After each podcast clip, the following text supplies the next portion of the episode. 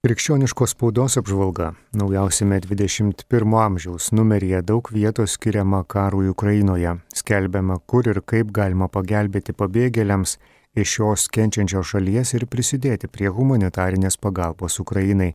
Informuojama, kas tą atlieka, sužinome apie Lietuvos ir kitų šalių viskupų požiūrį į šią tragediją. Beje, finansų ministerija skiria 203 tūkstančius eurų Švento Juozapato bazilijonų ordino Vilniaus vienuolynui, kuris rūpinasi Vilniaus švenčiausios trejybės rytų graikų apieigų katalikų unitų bažnyčios restauravimo. Tai ypatinga reikšmė ukrainiečių tautybės tikintiesiems turinti bažnyčia.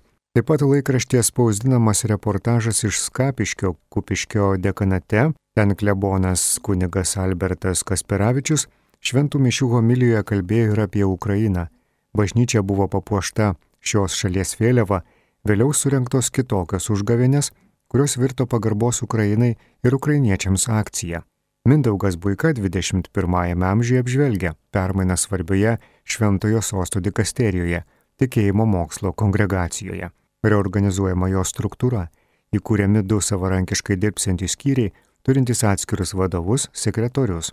Šios pertvarkos tikslas - patvirtinti fundamentalų, seniausius ir įtakingiausius Vatikano struktūros tikėjimo gynimo ir skatinimo poziciją - aktyvizuoti drausminę veiklą, kadangi pastaruoju metu telkiamos pastangos atskleisti dvasininkų vykdomo jaunimo seksualinio išnaudojimo bylų tyrimą. Tuo kaip tik užsieima ši dikasterija. Kunigas Vitenis Vaškelis rašo, kad dar prieš Kristų įvykdant atpirkimą buvo Mozės ir Elijo pasirodymai, nes jie ant taboro kalno kalbėjosi su juo. Tai visiems liudijimas, jog miršta tik žmogaus kūnas, o kiekvieno siela nesunaikinama, nemari ir išskirtinais Dievo numatytais atvejais, net išlaikiusi savo buvusio mirtingo kūno panašumo tapatybę, gali pasirodyti visų savo gyvastingumu. Zigmas Tamakauskas 21-ame amžiuje primena, kad jau 32 metai minime kovo 11-ąją, Lietuvos nepriklausomybės atstatymo dieną. Apžvelgdamas tautos kelią į šią dieną autorius prisimena savo susitikimą su paskutiniu prieškario užsienio reikalų ministru Juozu Urpšiu. Paklaustas, iš kur jis ėmėsi ištvermės būdamas lageryje, šis atsakė, dažnai kalbėdavau rožinį. Tiesa, jo neturėjau, bet karoliukus atstodavo pirštai. Didelės stiprybės teikia ir Lietuvos įvaizdis. Mintimis nukeliaudavo į vadaktėlius, Kauną, Vilnių, Pasak autoriaus svarbę reikšmę tautos išsivadavime turėjo ir dvasinė rezistencija.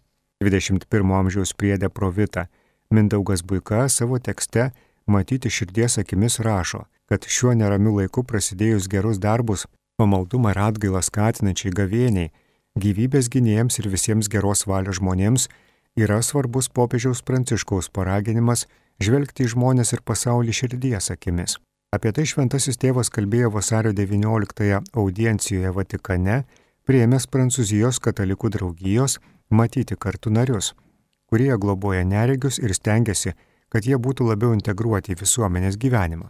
Šią visoje šalyje išplitusią ir tūkstančius globai atsidavusių narių turinčią asociaciją 1927 metais Lyonė įkūrė jėzuitas kunigas Įvas Mole, kuris pats buvo praradęs regėjimą Kreipdamasis į piligrimystėje Romoje dalyvaujančią grupę, šios draugijos narių bei jų globotinių, popiežius Pranciškus sakė, kad asociacija yra sektinas pavyzdys, kadangi vienyje daug aklųjų ir silpnaregių bei jų globėjų, kurie nori eiti kartu, kad išgyventų Evangelijos džiaugsmą. Jūsų dabar atlikta piligriminė kelionė yra ženklas, kad negalę turintys tikintieji geba visapusiškai bendrauti su bažnyčia, kalbėjo šventasis tėvas. Dėkodamas už šios katalikiškos asociacijos vykdomą gailestingą tarnystę, popiežius Pranciškus pasidalijo su svečiais mintimis apie Evangelijoje atpasakotą epizodą, kai Jėzus stebuklingai pagydė Jeruzalėje prie Siulamo tvenkinio sutiktą nuo gimimo aklą žmogų ir tas akių atverimas rado platų atgarsį tuometinėje visuomenėje. Pirmoji išvada, kurią reikia daryti iš to pasakojimo, yra gailestingas Jėzaus žvilgsnis į negalios ištiktą žmogų. Jis mato jame brolį, kurį reikia išlaisvinti iš kančios ir išgelbėti. Viešpats tokiu būdu kviečia puoselėti švelnumą ir pagalbą, bei atsisakyti abejingumo kitų nelaimiai, kai netgi jo artimiausi mokiniai vadovavosi tuo metu vyravusią nuostatą, kad negalios ištiktieji, šiuo atveju aklieji, neva yra gimę nuodėmėje, todėl Dievo nubausti ir turi likti atskirtyje.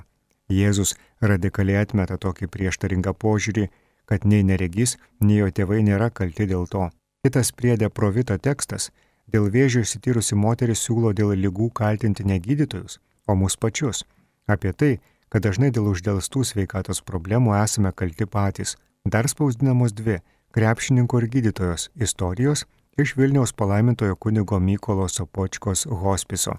Tad ši informacija, kiti įdomus straipsniai laikraščio 21 amžiaus numeryje pasirodysiančiame rytoj. Apžvalgą parengė redakcija, perskaitė Andrius Galauskas.